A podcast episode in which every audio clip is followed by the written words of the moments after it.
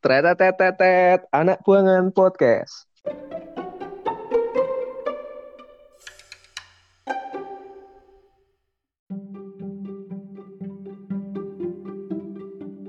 ya itu mungkin yang triggering orang-orang yang benar-benar struggling dengan uh, diagnosa tertentu ya. Karena mereka sangat-sangat merasa sedih secara berkepanjangan. Dia jadi nggak bisa berkuliah nggak bisa sekolah nggak mau bekerja itu kan otomatis produktivitasnya terhambat ya itu lagi-lagi kurang bijak karena uh, dengan memberikan penghakiman seperti itu kita tidak mempertimbangkan uh, secara personal orang ini sebenarnya butuh apa sih gitu.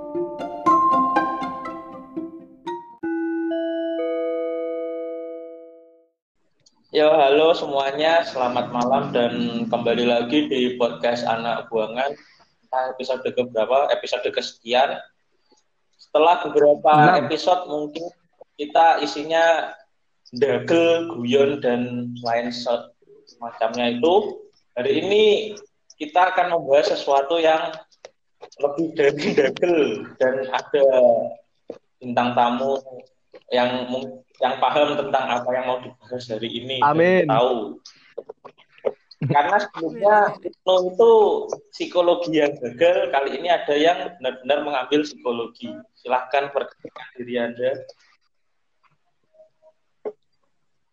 Wah, Ya ini tadi briefingnya nggak bawa-bawa anu ya, latar belakang mendidik. Jadi ada dia, tanggung jawabnya besar banget ya jadi Devita ini nah. Padahal Iya. Gimana gimana Dev? Gimana? Ini kenalin dulu siapa namanya Dev? Uh, ya semuanya selamat datang, selamat mendengarkan. Saya Devita, yang sebenarnya juga nggak famous-famous amat. Karena kenal dan akhirnya diundang untuk tag podcast episode kali ini. Ya. Oh ya, itu yang mau tanyakan juga sih, kenapa memilih oh, iya. saya?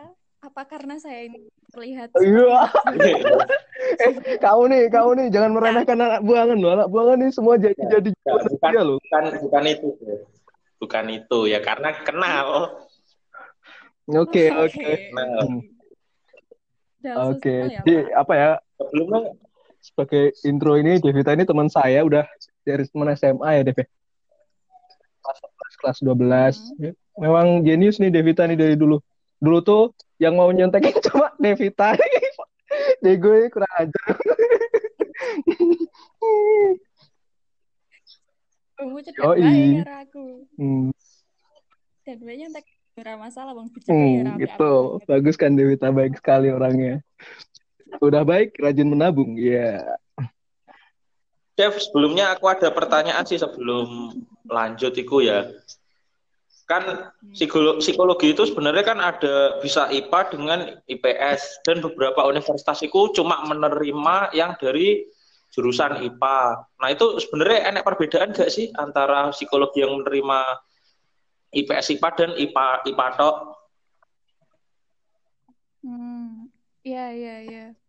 Uh, sebenarnya ini uh, banyak pertanyaan juga tentang apa bedanya background IPA dan background IPS karena kalau yang selalu ditekankan di Unpad itu adalah tentang uh, cara berpikir metodologi uh, yang dirasa teman-teman dengan background mm -hmm. science um, anggap pola pikirnya itu lebih uh, sesuai untuk uh, apa ya lebih mudah menyesuaikan pola-pola uh, berpikir yang lebih metodologis. Makanya um, dianggapnya proses adaptasinya akan lebih ya, atau dengan kata lain anak IPS ya pedet anak IPS pedet ya aku sebenarnya ya biasa ya karena aku dulu psikologi. Oh gitu oke okay, oke. Okay. terus terus. Tapi selain selain itu tadi menurut apa sepengetahuanmu ada hal lain gak ada yang mempengaruhi? Um, sebenarnya aku juga apa ya ketika nanya ke teman-teman yang backgroundnya IPS itu juga nggak beda jauh sih apa yang dipelajari. Cuma mungkin uh, kalau di uh, Unpad itu psikodiagnostikanya lebih ditekankan, tapi sebenarnya itu juga akan dipelajari lebih lanjut di S2. Oke. Eh iya ya, kalau Pertama kalau kalau apa namanya? Kalau psikolog psikolog itu harus wajib ya S2 ya? Iya, untuk ngambil profesi maupun magisternya harus Hmm. S2. Iyalah magister. Hmm. karena aku Cuma kan kalau S2 ada yang profesi, ada yang sains kan. Nah, kalau sains kamu akan jadi peneliti. Kalau profesi ya kamu akan eh, jadi psikolog. Hmm, Nggak jadi HRD. Hmm. Nah. HRD itu eh, bisa S2 ngambil psikologi organisasi, industri Hmm. organisasi. Yang nanti emang eh, kamu bisa bikin konsultan dan Asik. karena dulu itu sebenarnya mikirku tentang perbedaan anak apa psikologi IPA dan IPS itu mikirku loh ya ki aja dengan guyu mikirku oh lek IPA itu kok lebih cenderung ke psikiater ngono iku mikirku Oh, enggak. Kalau psikiater dan psikolog tuh bedanya eh, di medical dan ya kalau psikiater kan harus harus dokter dulu ya, dokter umum. Backgroundnya emang dokter. Tapi kalau psikolog ya psikolog. walah baru tahu loh aku Oh gitu, Dev. Serius, Sebenarnya aku lagi ngerti yang ngebedain antara S1 dan S2 itu wewenangnya. Eh, balik agak balik ya, agak mundur ke piye. Kalau S1 itu mungkin masih, masih bisa sebatas menangani kayak eh, riset. Oh gitu. Tapi kita nggak boleh sampai intervensi. Oh gitu. kalau sampai ya mungkin RD praktek eh, HR jadi Hmm. HR ya talent acquisition Eh, terus ya ngurusi ngurusi urusan apa sumber daya manusia di sebuah Hmm. company gitu ya bisa cuma misalnya kamu sampai pengen me- mengubah secara masif atau melakukan apa ya intervensi ke perusahaan itu secara masif kamu butuh butuh Ya, wewenang itu yang lebih Iya, benar. Untuk wewenang yang lebih besar itu dengan cara S2. Oh, Iya, oke oke gitu. sih. yang sebenarnya mungkin pada prakteknya nggak se Mm-mm. nggak sesaklek gitu ya tapi biarlah itu menjadi wewenang eh, masuk Oh, gitu. itu sebenarnya sebenarnya itu sih Dev antara ilmu psikologi dan saya aku kesos atau pekerjaan sosial itu menurutku mirip-mirip sih sebenarnya Mirip ya, Des. Mhm, mhm. kemiripan sih kayak yo penanganan penanganan kayak industri itu tapi le- kan di leku belajarku ada yang apa tentang meso mi- mikro meso makro kayak gitu. Kan lebih nanti lebih fokus ada yang pekerja sosial yang lebih fokus ke mikro makro atau ke meso kayak gitu. Nah kalau aku sendiri itu pas kuliah itu lebih concern ke ke pengembangan masyarakatnya seperti itu. Wah, kamu enak ada. Hmm. ada. Nggonku enek menangani klien-klien gitu kayak sing praktekin di panti ngono iku kan sing menangani apa kayak secara personal ke orang ke orang ngono Hmm. dan aku gak begitu tertarik Hmm. dengan sing sifatnya individu ngono Hmm, hmm, hmm. Iya, kalau eh, di Poltekkes SOS kan emang emang dikonsentrasikan untuk menangani itu ya permasalahan sosial. Oh. Kalau Kalau di Univ? UNIF, Hmm. PTS gitu ya ya nggak terkonsentrasi di sosial aja. Hmm. Kamu, kamu bisa jadi bisa apply ke apa pun yang kamu sukai. Yang sebenarnya nggak pada prakteknya nggak nggak selalu nggak selalu background pendidikan kan yang di yang di apa yang dipertimbangkan ketika Hmm. apply sebuah perusahaan lalu background Hmm. sekian Saya Dev, takon Dev. gimana bagusnya kamu bisa menjual Hmm. diri lah iya bener setuju nggak bisa bisa bicara lebih lanjut karena saya juga CV saya juga nggak ya sama perusahaan Efek corona no yo. Eh, Dev, takon sih, takon sih Dev. nganggur Nih, apa lah nih puskesmas kalau di puskesmas puskesmas gitu, yang kan sekarang kan lagi apa namanya? Orang tuh lagi aware tentang health, health apa? Health issue ya. Nah, kalau yang Mental. eh, mental issue itu, mental issue itu kayaknya banyak kan aku sih nemunya di Twitter gitu. Kalau kamu gini gini gini gini, to- tolong hubungin ini gitu. Kalau kayak gitu tuh pemenangnya siapa sih kalau menurutmu Dev? uh, backgroundnya apa gitu kan biasanya kan ada yang uh, beberapa puskesmas tuh ada yang menangani juga tentang mental issue itu tadi wewenang untuk apa untuk Mm-mm. menangani uh, uh, memiliki permasalahan itu ya ya lagi-lagi kalau untuk sampai intervensi ke yang punya wewenang adalah orang adalah psikolog klinis. klinis. berarti yang dulunya eh perlu S2 itu tadi. Oh gitu ya? Ya Waduh, panjang juga ya. Ya tapi kan psikolog ini pada prakteknya nggak selalu nggak selalu apa ya nggak selalu sendiri. Kadang dia juga butuh bantuan butuh bantuan yang namanya Hmm. asisten psikolog nah itu kalau asisten psikolog S1 boleh aja S1 aja atau, atau orang-orang yang emang minat eh, menyukai Oh, one-on-one gitu. counseling. berarti apa namanya lah sampai tahap buka praktek kayak gitu mesti kudune harusnya ini apa namanya harusnya udah S2 gitu ya oh I see, I see. Mm-mm. harus ada surat izin praktek. yang itu hanya bisa diurus setelah dia itu ya kalau menempuh S2 kan Ceng bapak. sorry sorry. Eh, kalau dia kalau dia menempuh S2 kan dihadapkan pada berbagai studi kasus ya. Dia harus menangani di ini Hah? itu ini itu. Hmm. gitu ya. Keren ya psikolog nih berarti apa namanya? Apakah Anda menyesal Ya. tidak ambil psikolog? Yo, apakah anda menyesal Dedi? Tidak mengambil psikolog Yo, aku kan tidak pengen psikolog sih. Menyesal gak keterima UI. Oh, iya.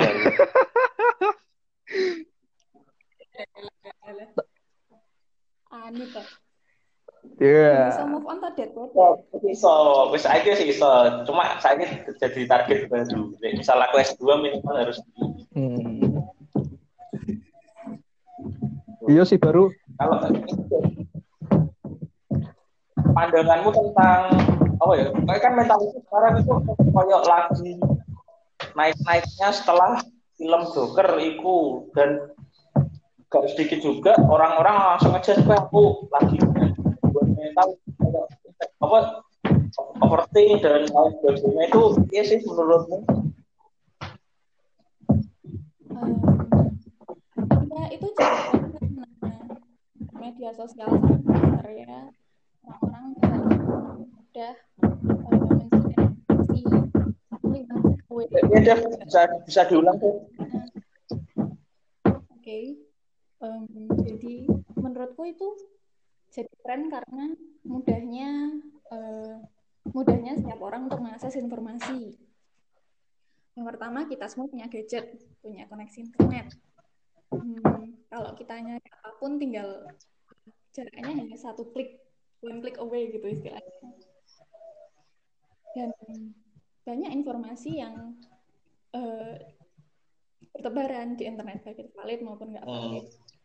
Dan ya, eh, nat- nat- secara natural manusia membutuhkan eksistensi. Dia merasakan ABCDE eh, dia mencari validasi mendapatkan informasi kayak gitu. Yang bijak adalah ketika eh, informasi yang dia dapatkan itu dikonfirmasi kebenarannya. Dan upaya mereka untuk mencari kebenaran tuh eh, ya ya dengan mengkonsultasikan dengan orang-orang yang memang mumpuni di bidangnya atau yang eskul sih menjadikan itu sebagai eh, apa ya pemahaman kayak ya aku bipolar aku jadi aku sah-sah aja kalau aku tiba-tiba marah-marah bla bla bla. Ya itu tindakan yang tepat. Tapi sebenarnya kalau kejadian seperti itu harusnya dikonsultasikan dengan iku ya orang yang berkompeten jangan asal justifikasi kayak langsung oh aku terkena mental isu. Padahal sebenarnya dia gak apa-apa justru yang terlihat baik-baik saja kadang iku kan yang terkena apa kayak kena mental mental isu ngono iku.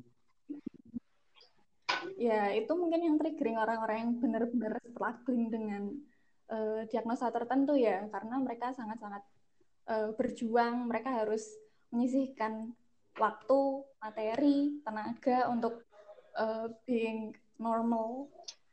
Kayak uh, secara biologis kan nggak bisa dilawan ya kayak uh, tiba-tiba orang bipolar uh, mengalami episode manic, mengalami episode panik itu kan di luar kendalinya dia dan mengendalikan itu agar tidak mengganggu keseimbangan uh, kegiatannya sehari-hari itu ya sulit. Sedangkan di luar sana uh, orang yang kita tahu yang self proclaim bahwa mereka memiliki mental illness tertentu ya itu hmm. itu tadi. Itu yang yang tindakan yang kurang. Tapi kalau misalkan ada orang yang dia tidak merasa bahwa diri dia itu gak kena mental isu tapi sebenarnya ada kecenderungan untuk ke situ dibiarkan itu ada ada dampaknya gak sih ada pengaruh gak sih ke ke kehidupannya baik secara biopsikososial itu Iya kehidupannya ketika uh, itu mengganggu mengganggu kegiatan dia sehari-hari kalau orang merasa sedih secara berkepanjangan dia jadi nggak bisa berkuliah, nggak bisa sekolah, nggak mau bekerja, itu kan otomatis produktivitasnya terhambat, sosial dia juga terhambat.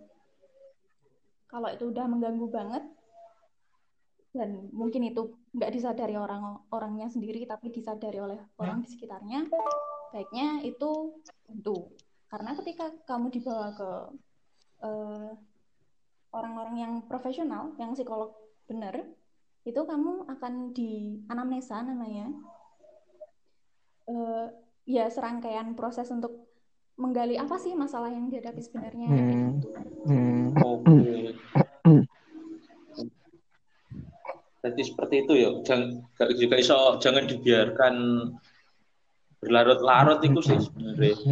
Ini Dev yang ini Dev yang menggelitik menggelitik. itu kayak apa ya? Kayak apa ya? segala permasalahan yang segala permasalahan berkaitan dengan mental berkaitan issue dengan itu, mental issue itu dikaitkan dikaitkan dengan agama gitu. dengan agama gitu. Selalu selalu uh, uh, dijustifikasi bahwa dijustifikasi eh, bahwa kamu kurang ini. Eh kamu kurang ini. misalnya, kalau kamu kurang dekat sama Tuhanmu kurang dekat gitu. sama Tuhanmu gitu. Menurutmu gimana gimana? Menurutmu gimana gimana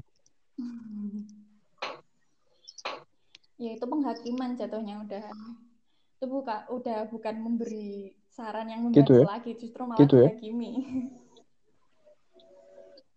ya itu lagi-lagi kurang bijak karena uh, dengan memberikan penghakiman seperti itu kita tidak me mempertimbangkan uh, secara personal orang ini sebenarnya butuh apa sih gitu mungkin bagi yang memberi saran untuk ibadah dan mendekatkan diri kepada Tuhan mekanisme coping seperti itu uh, tepat berjalan dengan baik.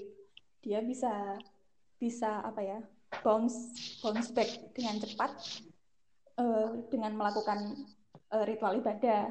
Tapi orang kan nggak setiap orang menganggap ritual ibadah itu sebagai sesuatu yang hmm, apa ya sesuatu coping strategi yang tepat bagi yeah benar ya sebenarnya menurutku yang justifikasi tentang agama itu bukan asal itu. Kayak semacam dia itu apa ya kayak dan istilahnya dia mering, mengingatkan untuk meredakan sejenak ngono sih. Sebenarnya kan karena proses untuk untuk spiritual orang itu beda-beda. Misal aku ada masalah di pokso pokso kon dongo kon sholat kon ibadah dan lain-lain padahal aku belum menemukan kenyamanan dalam itu kayak you selesai sih menurutku. Iya. Iya.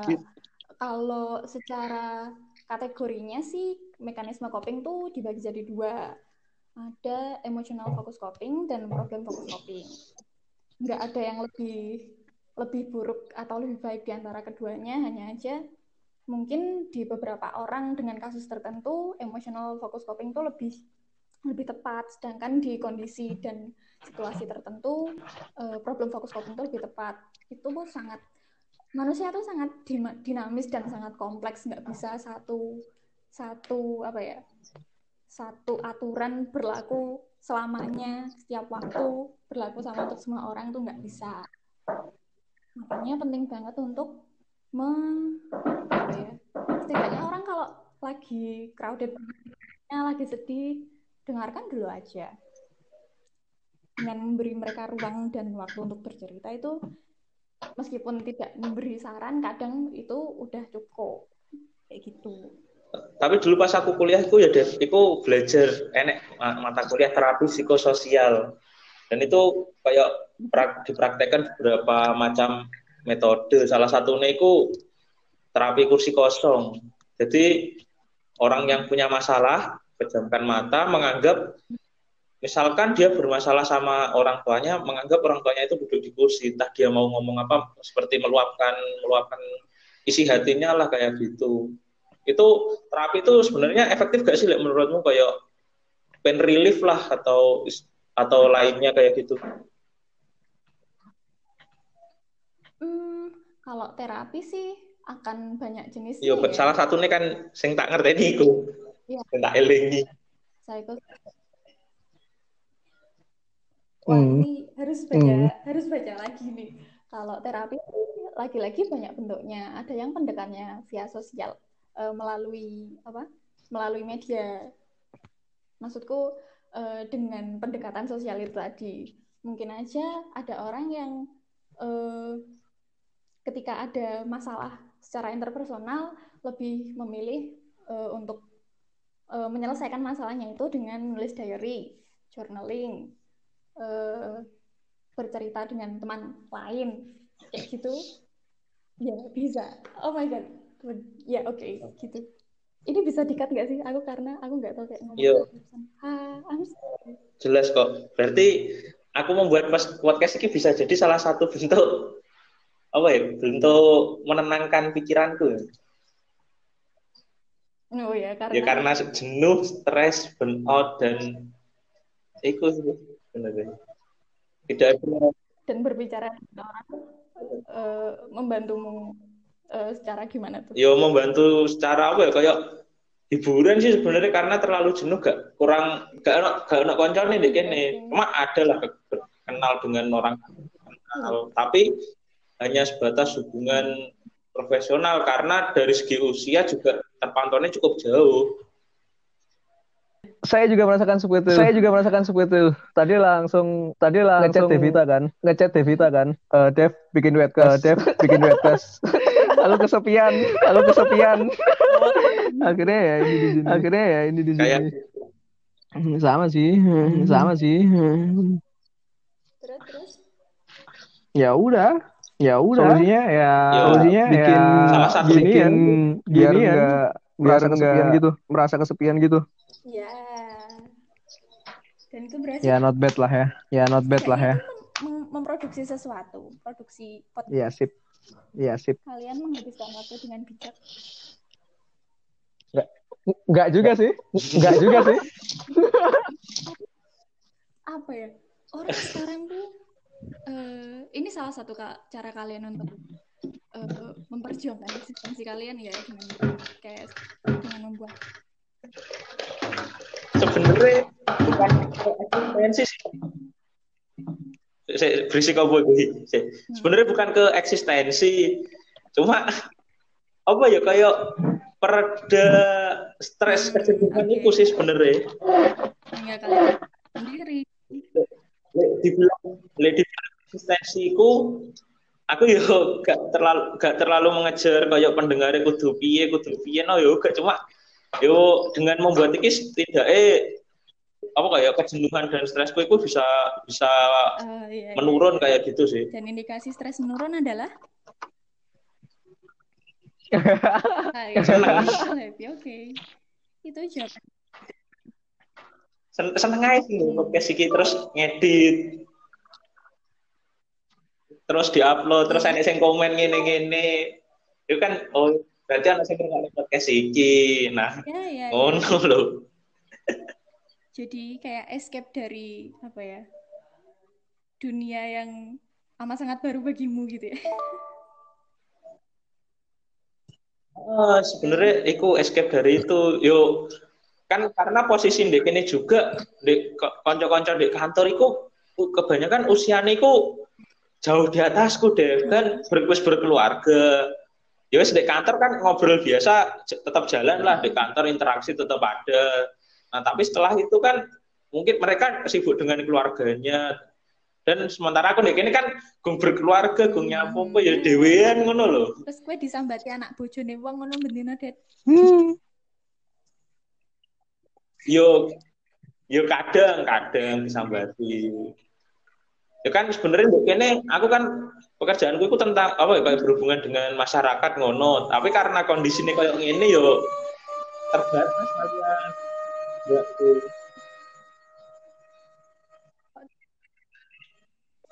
terbatas jadi cuma di kantor oh, mm-hmm. ya itu ya aku mendengar podcastmu episode pertama dan dari situlah aku tahu bagaimana kisahmu hingga mencapai di di di daerah apa tual tual tual tual oh, iya. tual tual tual oh. tual ya kerungu Iya. Ya begitulah. Tapi pegawainya banyak kan des di sana? pegawai itu banyak kan karena ada ya ada yang di kantor ada yang di kapal bagian bagian di tanker kayak gitu dan aku yo cukup kenal lah kenal orang yang di kapal dan di kantor dan Iku aku justru lebih cocok ngobrol iku karo orang-orang yang di tanker, yang di kapal itu. Daripada orang yang di kantor gak ngerti, cuma cocok kayak dijak ngobrol iku enak. Mas, terus kadang iku yo en, tahu sih aku dijak di omahe diajak main di rumah terus dijak duluan kayak imam ngono oh merasa enak aja karo wong tanker daripada hmm. orang yang di dalam kantor yang cocok ya iya meskipun mereka sudah sudah punya anak punya istri tapi enak aja sih jak ngobrol tak sambati no yo kadang tak sambati wong wong bagian kapal itu pas gak enek kapal standar ngono Lek petuan mesti ngobrol suwi. Hmm. I see.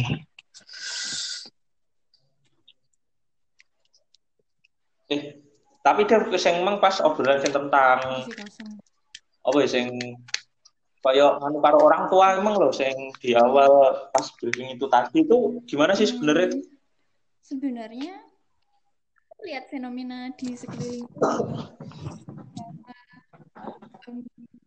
semakin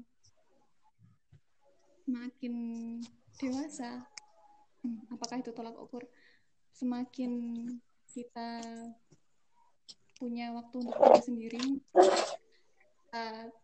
seiring berjalan waktu kita terpapar dengan banyak uh, lingkungan yang berbeda dengan yang berbeda dengan kondisi yang berbeda dengan lingkungan asal di mana kita tinggal aku merasa uh, dan memperhatikan orang-orang di sekelilingku tuh ada beberapa apa ya perbedaan ya perubahan perbedaan dan perubahan dengan uh, orang-orang yang lama berinteraksi dengan dia. Kalau yang paling obvious sih dengan keluarga ya. Karena kita semakin menyadari bahwa hmm, mungkin ada beberapa hal yang kayak udah tidak lagi sesuai dengan apa yang kita anut, apa yang kita yakini, kayak gitu. Dan itu sedikit banyak jadi masalah lah perbedaan di mana kita um, dulu lama dipertemukan, terus kita merantau, terus balik lagi ke rumah, rasanya itu udah kayak, hmm, kok beda ya, gitu. Oh no, itu. Oh, iya, Apa iya. aku aja yang merasakan atau kalian juga? Ya, sebenarnya aku merasakan dan pas ketika aku KKN apa PKN apa di video itu tahu ada yang cerita bahwa eh apa ya pokok tahu yang cerita itu mereka melarang anaknya sekolah tinggi karena ditakutkan ketika mereka sekolah sekolah tinggi ilmunya semakin bertambah dan kayak pemikiran itu berubah dan meninggalkan kehidupan di kampungnya kayak gitu. Tapi aku lali iku di daerah Tino pokoknya saya enak cerita iku. Enak saya enak itu dan mungkin karena itulah makanya beberapa apa kayak semacam angka pendidikan itu masih rendah karena Hmm. gara-gara itu Aku mungkin. juga pernah baca apa nonton sih nonton dokumenterinya siapa dan dilaksana kalau nggak salah di Kasapuan Cipta Gelar. Eh, kalian bisa googling di Watchdog. Ada beberapa orang tua yang yang penting anaknya bisa baca tulis karena kalau terlalu pintar nanti malah minteri uang kekhawatiran mereka nah itu heeh. Mulia sekali tuh. aku mungkin itu prinsip yang lebih sesuai diterapkan di lingkungan mereka gitu Hmm. Iya ya, Dev. ya ya sebenarnya nggak ada nggak ada salah benar sih tergantung cara Iya sih, tapi bener sih. Aku juga ngerasain sih kayak apa ya paling sederhananya bukan sama sama orang tua lah. Kalau sama orang tua mah kita yang harus menyesuaikan kan biasanya. Kalau kita yang harus kita aku harus iya, siapa yang Wah. mengharuskan kita sendiri lah, kesadaran diri sendiri gitu. ya kamu aja kali Iya mungkin sih. Kayak apa ya? Aku. Hmm, kalau aku sendiri sih, ya yang di luar yang kita bawa, yang kita cari di luar ya udah kalau sampai ke rumah ya kita balik lagi jadi anaknya mak sama bapak gitu. Cuma Hmm. kalau yang bisa jadi tolak ukur tuh kayak apa ya? Eh, yang kayak tadi tuh yang kamu bilang kayak, oh itu ya sama lakwis metu, lakwis nganu hasilnya ini, hasilnya ini. Ini sih kalau aku sendiri tuh kayak sama teman-teman sendiri sih kayak teman-teman SMA gitu. Iya. Kayak, iyo kalau sing kuliah-kuliah di baratan ngono kuwi Mhm. sama yang kuliah di timuran tuh hasilnya kalau di- digabungin kayak gitu tuh kelihatan gitu orangnya tuh. Yang dia bawa, yang dia bawa dari bawah barat, yang dia bawa dari timur kayak gitu tuh semua ketemu kayak gitu. Oh gini ya ternyata pemikirannya. Oh gini ya ternyata pemikirannya kayak gitu. Piye kuyan, aku penasaran. Dan ini keren loh, serius. Nah, aku mandang nih. Nah, coba Hmm. Nah, aku mandang. Misalnya Devita ini. Devita kan sama- aku kan dulu lingkungannya SMA berarti kan iso dibilang hampir sama sih. Maksudnya yo sa sa lingkungan sa SMA ngono kan ide kan Dev, Dev Hmm. ngono barang. Nah, ketika wis ngerantau, ketika wis ngerantau, wis ngerantau awak mending Unpad, jadi ning STKS aku ning STMKG kuwi. Balik meneh pola pikirnya wis berbeda no, berbeda semua kayak gini. Nah, cetak-? Cetakannya lo beda gitu menurutku. Nah, yuk. Ya, contohnya cara Ya, mikir. contohnya piye? Balik cara contohnya? mikir. Kalau kayak kayak aku gitu kalau kayak aku sekarang itu gak, gak bisa yang kayak apa ya didikannya tuh be- beda loh. Didikanku itu didikan manut. Mhm. bukan untuk apa namanya ngide sebuah hal baru no enggak lah aku dulu dari saya kuliah, kuliah nah sedangkan kalian-kalian itu kayak membawa pemikiran baru. Ketika aku ngeliat tuh eh keren yo iso kayak mikir-mikirnya gini kayak misalnya ngono bahkan aku dulu eh iki sih sebuah case studi case langsung nih aku Mhm. mengamati twitternya Devita ini kayak keren gitu. Devita siapa gitu kan keren. Dia men- menanggapi kayak gini kenapa sih kamu harus bersyukur? Kenapa sih kamu bersyukur ketika lihat orang yang di bawah? kayak gitu. Hmm. padahal kan bersyukur mah tinggal bersyukur aja kenapa kok lihat yang di bawah baru kamu bersyukur? gitu. Padahal kan eh, semua orang tuh sama di mata Tuhan gitu kamu kayaknya Dev yang ini kayak gitu. Iya, iya. Aku Hmm. ya itu karena terpapar dengan wacana orang-orang yang eh ya memiliki pemikiran serupa. Itu sebenarnya bukan pure dari bukan pure dari pemikiranku sendiri, tapi aku mengadaptasi dari orang lain yang eh, butuh reason banget. Kayak emang kamu sebutuh sebutuh alasan itu untuk bersyukur? Padahal kamu bersyukur kan tinggal bersyukur aja. Kamu nggak perlu memandang rendah eh, orang lain yang kamu persepsikan kondisinya itu sebagai sebuah kemalangan. Yang Mhm. padahal tentu orang yang menjalani itu merasa itu sebuah kemalangan. Untuk bersyukur yaitu apa ya rasanya egois aja. Kamu harus banget butuh orang lain menderita untuk merasa dirimu baik-baik aja. Kui. Dan itu aku merasa tertampar sih kayak pemikiran kayak ngono-ngono sing diadaptasi kayak ngono kui. Kayak apa ya di lingkunganku sendiri apa ya dulu kalau waktu waktu pendidikan tuh lihat temenmu kayak ini kamu baru segini aja udah ngeluh kayak biasanya kayak gitu kan kamu lihat seniornya gitu misalnya seniornya udah gini gini gini wajar gak sih kayak gitu maksudnya kita juga butuh pem- pembanding gitu kalau un- untuk melihat diri kita sendiri. Ya orang butuh pembanding tuh kalau dia nggak percaya sama dirinya sendiri sih. Ngono ya Dev ya asli. Jeng jeng. Jeng jeng. Ternyata Tapi bukannya dari SMA awakmu wis kayak solidaritasmu iku wis tinggi yo. Buktine pas zaman PLS Hmm. dulu sak kanca sak loro sak lagi hmm, munggah panggung. hmm kurang Munggah ajar Cit ini. Sip. Saya Yo. pulang ke rumah. Yo. Tapi yo. bisa mulai mlebu nek. Yo. Sampai saiki. Hmm. Dan menurutmu gimana tuh Dev kayak gitu Dev? Eh, apa nih? Kayak apa ya? Kayaknya manusia tuh kayak secara secara apa namanya? Naluriah itu perlu membandingkan orang dengan orang lain untuk melakukan sebuah hal gitu. Misalnya gini, itu kak kesedihan ya, itu kesedihan. Nah, kesenangan misalnya gini, kamu kamu punya apa nih achievement misalnya?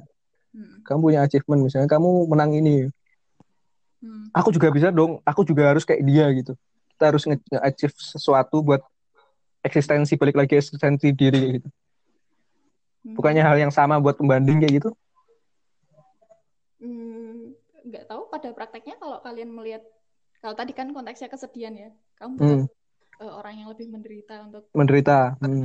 eh, untuk agar kamu menjadi bersyukur kalau Hmm. orang lain senang atau mereka eh, memperoleh sebuah prestasi Hmm. apakah iya itu bikin kamu eh, bersyukur Ya nggak bersyukur maksudnya dalam konteks lain kayak apa ya dosisi mata uang no? gitu loh kayak eh, kalau kamu butuh bersyukur buat ngelihat orang butuh ber- bersyukur dengan kata lain kamu juga buat butuh orang buat memotivasi dirimu gitu. Apakah hal yang salah gitu? ya kalau jatuhnya motivasi berarti nggak salah kan kayak kamu memacu dirimu untuk achieve more Hmm. dari titik Kalau jatuhnya buat bersyukur, kenapa harus jadi kesalahan? karena kamu memandang orang lain rendah Kesalahannya cuma di situ ya. Maksudnya kalau itu nggak diungkapin kan nggak me- apa namanya? Nggak apa? Nggak me- melukai hati dia gitu. Hmm, aku nggak tahu apakah itu jadinya nanti kamu terjebak pada persepsimu sendiri.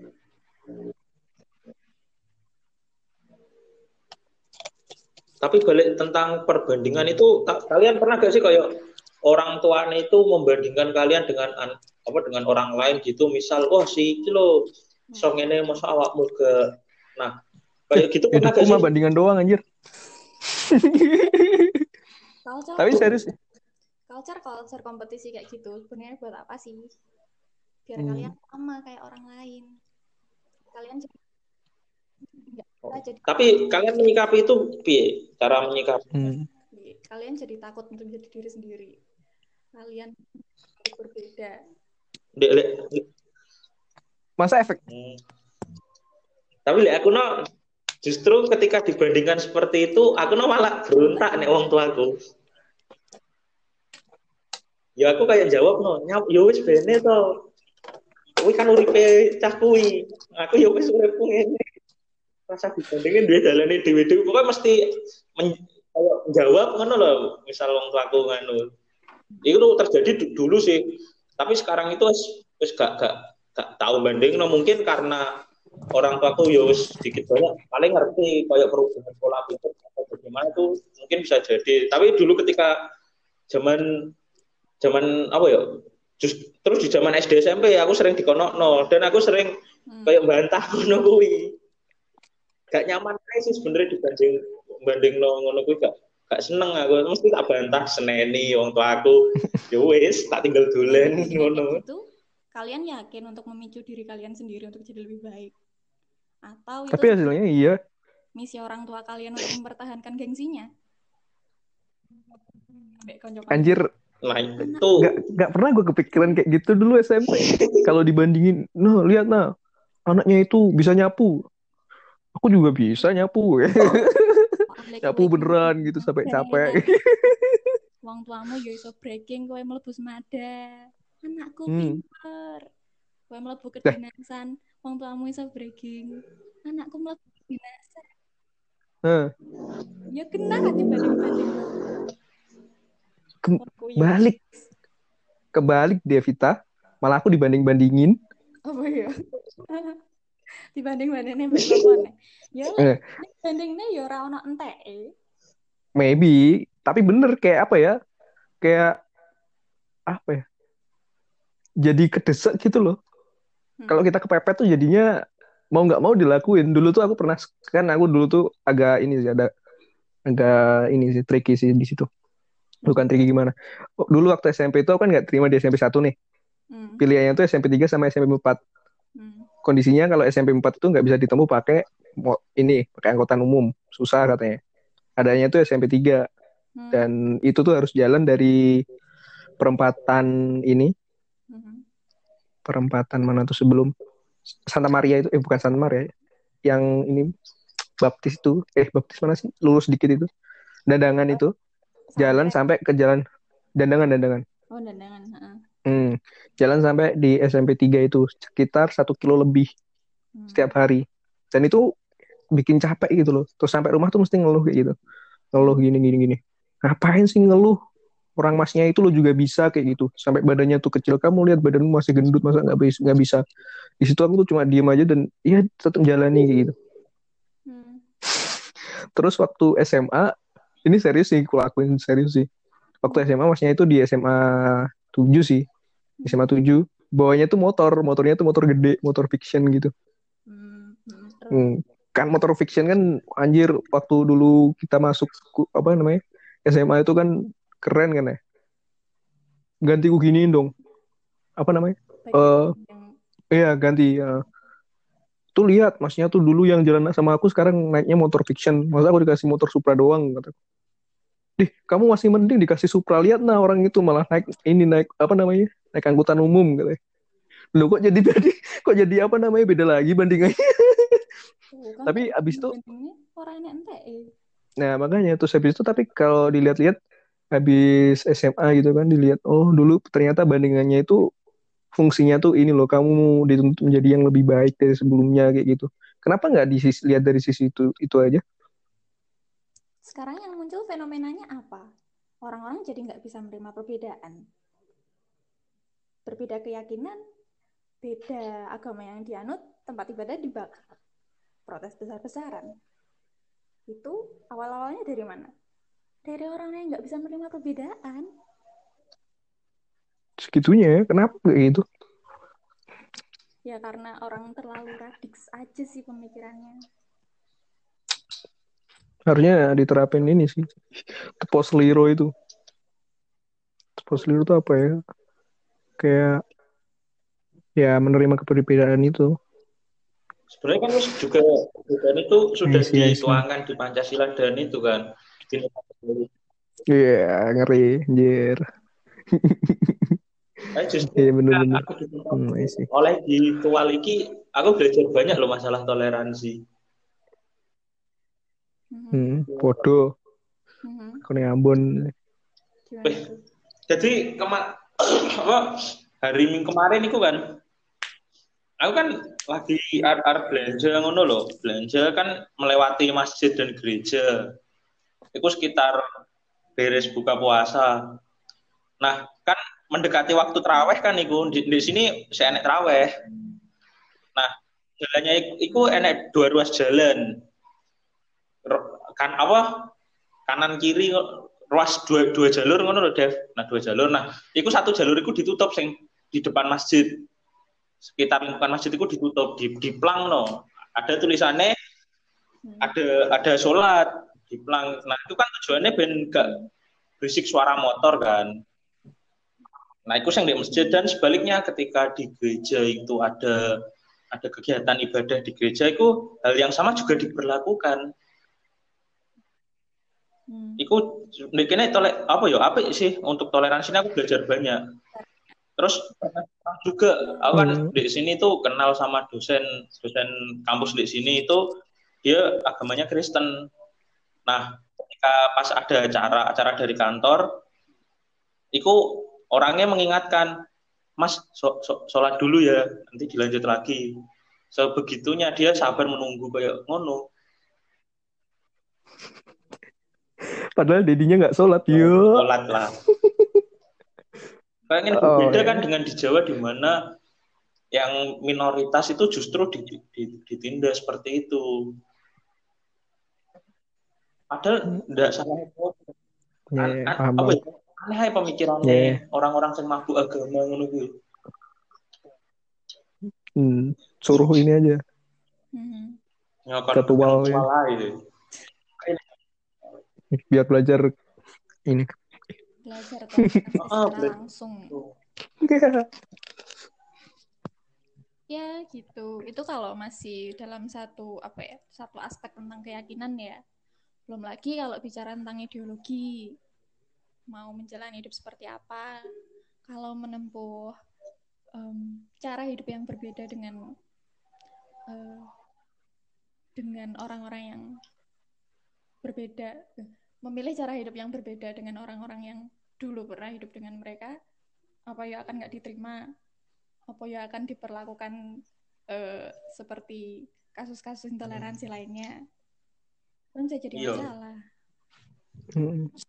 Kalau Dev, kalau menurutmu kenapa ya orang-orang itu kayak apa ya kayak menurutmu gimana sih caranya biar bisa menjalani hidupnya sendiri gitu? Tanpa kayak hidup tan- dengan aturan at- aturan sebuah aturan kayak gitu sebuah keterikatan yang membuat dirinya itu mungkin nggak tahu kalau dirinya tuh pengennya kayak gini sampai gimana gimana? Sorry aku Apa ya? putus. Gini gini gini. Eh gimana sih menurutmu biar orang itu menjalani hidupnya sendiri tanpa mencari pembanding gitu? Tanpa mencari role model gitu. Ah gue hidup kayak gini aja nih enak nih kayak gitu. Iya dengan kan rata-rata Mhm. Kan rata-rata orang kayak yang kamu bilang tuh kalau dibandingin terus gak ada habisnya. Role- pembanding tuh kan biasa bisa aja kayak role model gitu kan. Nah gimana sih cara kita tahu biar tahu gitu? Kalau oh ini loh yang sebenarnya yang ku cari gitu. Atau kebanyakan orang orang tuh bilangnya gini oh dia tuh loh enak udah menjalani hidupnya kayak gitu. Apa bedanya sama yang dulu? Gue bilang pikirku sih gitu. Em, paham nggak intinya? paham paham. Mm-mm. yang aku alami sih dengan mengetahui alasan kenapa kita harus melakukan itu karena ketika kita mengetahui apa yang kita lakukan dan kenapa kayak eh, kamu sholat lima kali sehari kenapa kamu sholat karena Hmm. aku memiliki keyakinan aku adalah makhluk ciptaan Tuhan dan aku perlu berkoneksi dengan eh, penciptaku dan lain sebagainya oke itu Hmm. bisa diterima tapi mungkin ada Terus? orang yang eh, memilih untuk hidup dengan bebas tanpa terikat dengan nilai apa pun dan dia masih bisa hidup dengan well masih bisa beraktivitas dengan baik juga. Ya dengan menerima menerima kondisi yang sedang kita eh, jalani aja. Itu cukup menjawab atau tidak? Iya sih, iya sih. berada di situasi yang nggak nyaman sih mungkin ketika aku terbiasa eh, selama 18 tahun aku hidup dengan aku harus sekolah aku harus pergi ke sekolah setiap hari aku harus mengerjakan PR dan bla, bla, bla. tapi tanpa tahu kita tanpa kita tahu alasan dibaliknya itu kenapa? Kenapa kamu pergi sekolah? Karena disuruh orang. Sesimpel itu alasannya. Jadi kayak eh, perlu alasan yang lebih personalize saja sih. Kayak aku ke sekolah karena aku membutuhkan ilmu eh, eh, kayak gitulah. Apa sih? Devita ngomong apa sih? Sorry sorry sorry. Jadi mana-mana. Tapi intinya sih Tapi bener sih. acceptance ke diri sendiri dan mengetahui kenapa kita perlu melakukan ini. Dan ya jangan jangan antipati dengan dengan wacana yang berseberangan. Gitu Hmm. Dan apa ya kayak pemikiran itu rata-rata waktu kuliah sih kayaknya apa namanya kayak keluar gitu semua yang pengen. Jadi kebanyakan orang tuh kayak punya jalurnya sendiri waktu selesai kuliah oh kelihatan nih orang ini kayak gini, orang ini ini kayak gini. Menurutmu gimana, Dev? Kayak apa ya? Kenapa harus menurutmu perjalanan yang seperti apa sih yang membuat menemukan dirinya sendiri gitu? Em, ya otomatis aku merasa kenapa ketika kuliah itu kita jadi bisa eh, lebih terpapar dengan uh, pengalaman yang lebih banyak daripada sebelumnya, ya otomatis karena kita ketemu dengan lingkungan yang lebih luas. Kita bertemu dengan orang uh, dengan orang-orang yang memiliki latar belakang yang berbeda, dengan uh, ya cerita hidup yang berbeda. Terus kita mencoba untuk men-challenge diri sendiri, hmm, mengadaptasi nilai-nilai yang mungkin kita belum pernah temui sebelumnya. Ya dengan trial error, uh, apa sih yang sesuai sama aku? Emang benar aku butuh A? Emang benar aku ingin C? Emang benar aku ingin D? Kayak gitu. Simple as. Gitu ya? Hmm. Hmm, hmm. Terus kok bisa tahu nih apa namanya? Oh ini yang paling nyaman gitu menurutmu? Ya. Oh ini yang paling nyaman. Meskipun biasanya kebanyakan orang tuh kayak yang paling nyaman tuh menurut orang bisa aja, ih nggak sesuai pakemnya gitu nih. Ya kenapa kamu butuh dengerin? That's point. Hidup atau hidup orang lain? Enggak, kayak apa ya kayak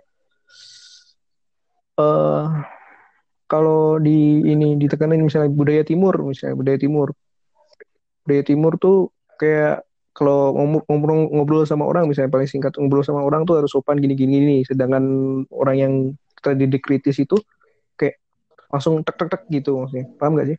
Budaya timur yang gimana tuh? Budaya timur iya yang kayak gimana ya? Kesopanannya dijaga misalnya atau apa yang lebih realistis nih? Ya kita tetap bisa berwacana dengan orang yang lebih tua dengan menggunakan bahasa yang sopan dan santun tanpa hmm. tanpa melunjak dalam tanda kutip untuk hmm. membawa yang berbeda dengan mereka membawa perspektif yang mungkin uh, belum pernah terfikirkan oleh mereka. Dipaparkan dulu hmm. aja. Sebenarnya bukan bukan gitu ya, itu loh. Balik lagi ke individunya masing-masing. Ketika dia memegang sebuah nilai hmm. dan sebuah apa ya sebuah budaya itu pasti di mana pun dia berada dia pasti akan mengaplik apa ya menerapkan apa yang dia percaya itu hmm. Itu masuk apa namanya quarter life crisis kemarin gak sih yang kayak aku mau jadi apa ini cocok sama aku enggak ini gini gini ini enggak gitu ya ya itu episode kalian yang mana nih aku baru dengerin satu dua nggak tahu nih yang uh -huh. Ibnu sih kayaknya Ibnu ya oh, iya Hmm, quarter life crisis. Ini sih mumpung sama psikolog gimana nih Dev? Quarter life crisis itu menurutmu?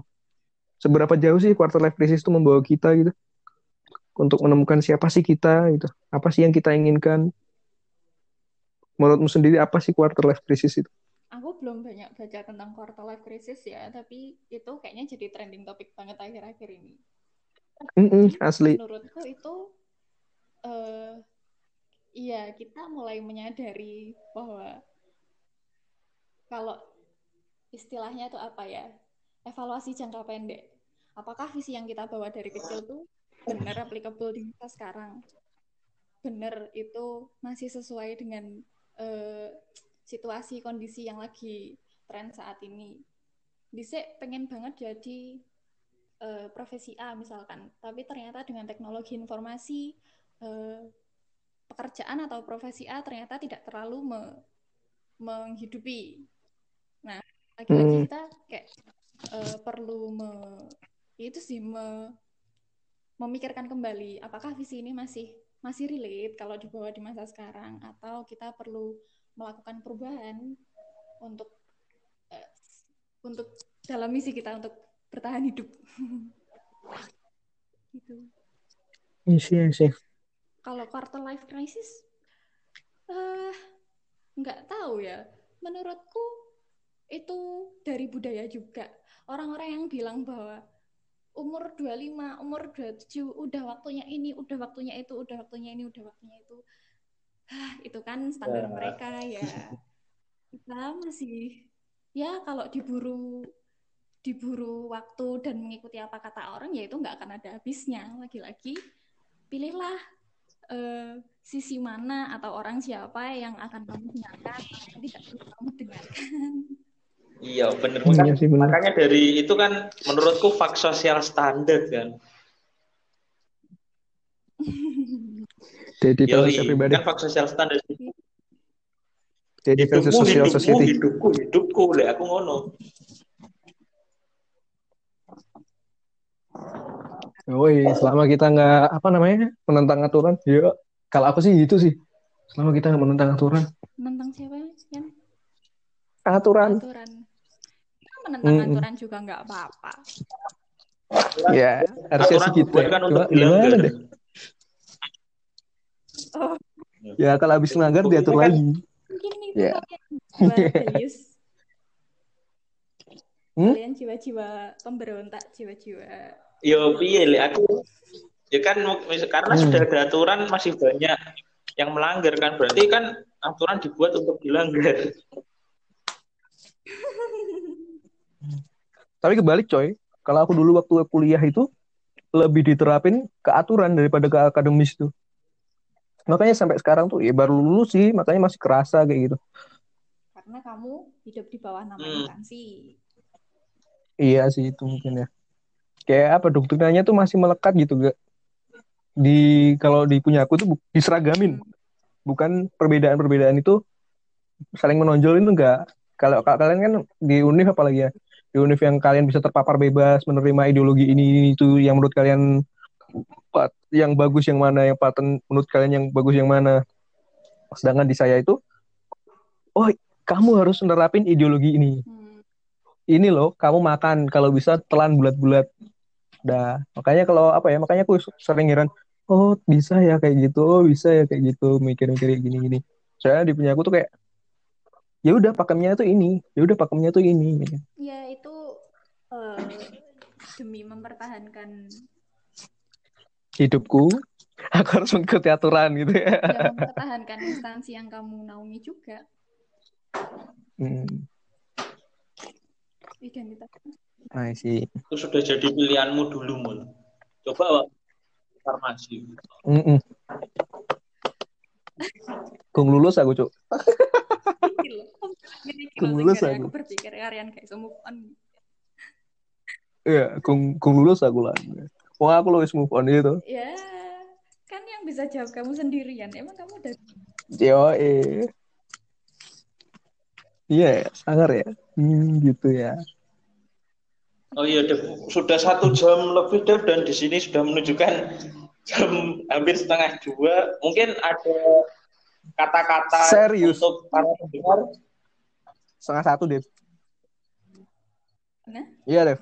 Khususnya tentang apa namanya quarter life crisis, gimana kita menghadapinya, atau gimana fak sosial standar menurut kamu? Ya, kalau prinsipku sih take it slow. Mungkin Take it slow. oleh teman-teman yang lain. Kak, kak. I see. Oh, udah setengah Jam, bro. satu jam, Didi. Besok saya. Satu. Punya aku 30 menit. Hmm. Kayaknya perlu part 2. Iya. Nanti kita bahas lagi lah part 2 mau cerita tentang apa. Yakin Iya, Ya, terlalu ngalor kalau ngidul. mau part 2, berikan aku waktu Oh. buat baca dulu biar aku ngomongin itu gak ngawur. Iya, jadi kan nggak tahu katanya ngalir aja ngalir aja. Ya udah ngalir. Kita ngobrol ngobrol. Ya karena pembawaan denger teori terus aku seru ya diketai wong kok. Oh gitu. Eh deh, ntar dulu. Kamu kamu pengen jadi PNS gak? Enggak. Eh, Oke, kita besok panduannya ngobrolin itu aja. Yang agak santai anjir berat banget deh ini tadi. Iya, iya. ya Sial pak sosial standar. Untuk episode part 1 kali ini dicukupkan sampai di sini karena di timur sudah mau setengah satu saya mau sahur lanjut tidur Wah, besok pagi baru lanjut tidur. Oke makasih untuk part satunya Nice. mungkin nanti part 2 nya bakal ditentukan lagi lah kapan Menyusul waktunya kapan-kapan.